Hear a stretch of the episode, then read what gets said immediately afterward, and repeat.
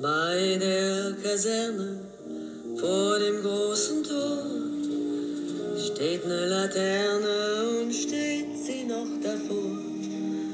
Da wollen wir uns wiedersehen. El bressol de les refugiades. wollen wir stehen,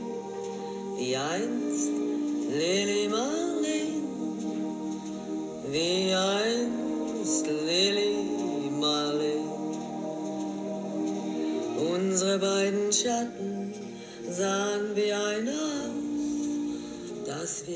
Com es pot explicar en teatre la història de la infermera suïssa Elisabeth Eidenbenz, promotora de la casa de maternitat de la població d'Elna, a la Catalunya nord del Rosselló, que va recollir, ajudar a néixer i alimentar en els primers mesos de vida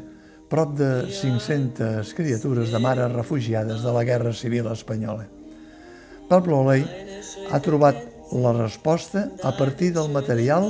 i la completa investigació que sobre aquest fet va elaborar prèviament Assumpta Montellà. La dramatúrgia que ha fet consisteix en un conte escenificat ple de petits detalls, a vegades sense paraules, no es pot dir ben bé que sigui un monòleg en el sentit més pur, i amb un acompanyament musical que, amb un pianista en directe, crea un clima d'ambientació que transporta els espectadors fins a l'hivern del 1939 i l'èxode republicà. Per compensar la passivitat de l'ajuda social francesa envers els refugiats, Elisabeth Eidenbenz va impulsar des de l'Associació d'Ajuda Suïssa als Nens Víctimes de la Guerra la creació d'una maternitat on assistir les dones embarassades recloses als camps de concentració d'Argelers, Ribes Altes, Sant Cebrià i el Barcarès. Aquesta maternitat va funcionar ininterrompudament fins a l'any 1944, data en què l'exèrcit nazi la va clausurar. Per la seva condició de dona sensibilitzada pel patiment de les seves congèneres, Elisabet creia que les exiliades mereixien tenir els seus fills amb dignitat i que calia garantir la supervivència dels nadons. Elisabet Eidenbenz, nascuda a Zurich l'any 1913, havia treballat de mestra en diferents col·legis de Suïssa i de Dinamarca fins al 1938, any que es va traslladar a Burjassot, al País Valencià, com a voluntària de l'Associació d'Ajuda Suïssa als Nens Víctimes de la Guerra. Va col·laborar en tasques d'ajuda humanitària durant la Guerra Civil Espanyola dins de la zona republicana i, immersa en l'èxode, l'any 1939, va passar a França on va crear la maternitat d'Elna. Amb l'esclat de la Segona Guerra Mundial, va acollir i fer passar per espanyoles, en canvis de nom típics, algunes mares refugiades jueves, fins que amb l'ocupació nazi la maternitat va ser definitivament clausurada, malgrat que la seva fundadora, aleshores una joveníssima emprenedora de 25 anys, s'acollia al dret de neutralitat de la seva condició de Suïssa. Tot això no apareix en el relat, però és important saber-ho per situar l'acció, tot i que els espectadors ho saben, perquè la història s'ha divulgat molt en els últims anys gràcies a Assumpta Montellà. El Nobre és una de les filles nascudes a la maternitat d'Elna la que uns anys després explica l'èxode de les dones que hi van fer cap. Dramatúrgia i direcció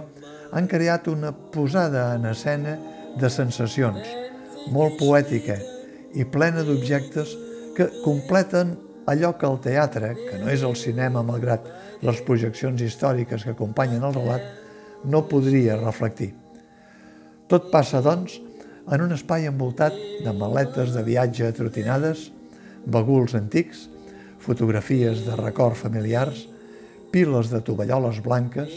una palangana, un maniquí, una màquina de cosir, una màquina d'escriure negra de les més primàries, peces de roba vella, uniformes d'assistentes de maternitat, un bressol fet amb una caixa de verdures. La cantant i actriu Rosa Galindo interpreta el paper de la narradora. Es posa en la pell dels primers refugiats camí de França,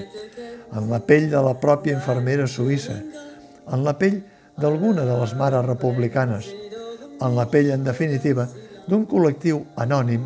que no està exempt de mirada crítica quan recorda que,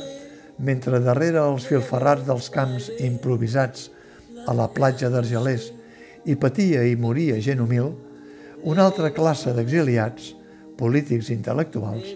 disposava de recursos, allotjament, diners públics, vehicles i visats per fugir als països d'acollida. El pianista que acompanya Rosa Galindo ha anat canviant en les successives reposicions des de fa 15 anys, s'encarrega de posar la banda sonora idònia a cada moment del relat. Amb 35 peces es crea un relat musical que comença amb Claire Dolin, de Debussy, i passa per bon nombre de cançons franceses, que resta Til de nos amours, Je chante, La mer, Je des amours, Himne a l'amour, l'emblemàtica Lili Marlene o la popular a la Claire Fontaine. I ressonen, doncs, Charles Trenet, Josephine Baker, Edith Piaf, amb compassos de Chopin, Montpou, Bartók, Poulenc, Liszt, Bach, Beethoven, Mozart i un recull de cançons populars catalanes com Muntanyes regalades, El mariner, El desembre congelat, El noi de la mare. Aquest muntatge musical de gran sensibilitat i coherència,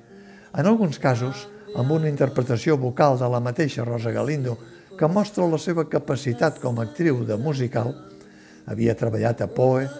El temps de Planck o Els pirates, entre altres, connecta amb els espectadors perquè aquests reconeixen en cada compàs aquelles peces que han anat incorporant-se al llarg del temps en la particular banda sonora de cadascú. El muntatge La maternitat d'Elne, que és un d'aquells espectacles sense frontera d'edat, ha estat programat en diversos moments històrics, com quan es va commemorar el 70è aniversari de l'ocupació final de les tropes franquistes de tot Catalunya. Això l'ha fet sempre un espectacle oportú,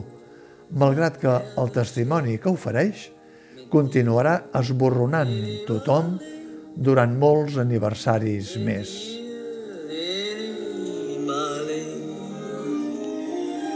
Aus dem tiefen Raume, aus der der Grund hebt sich wie im Traume dein verliebter Mund. Wenn sich die späten Nebel drehen, wer wird bei der Laterne stehen? Mit dir, Lili Marleen, mit dir,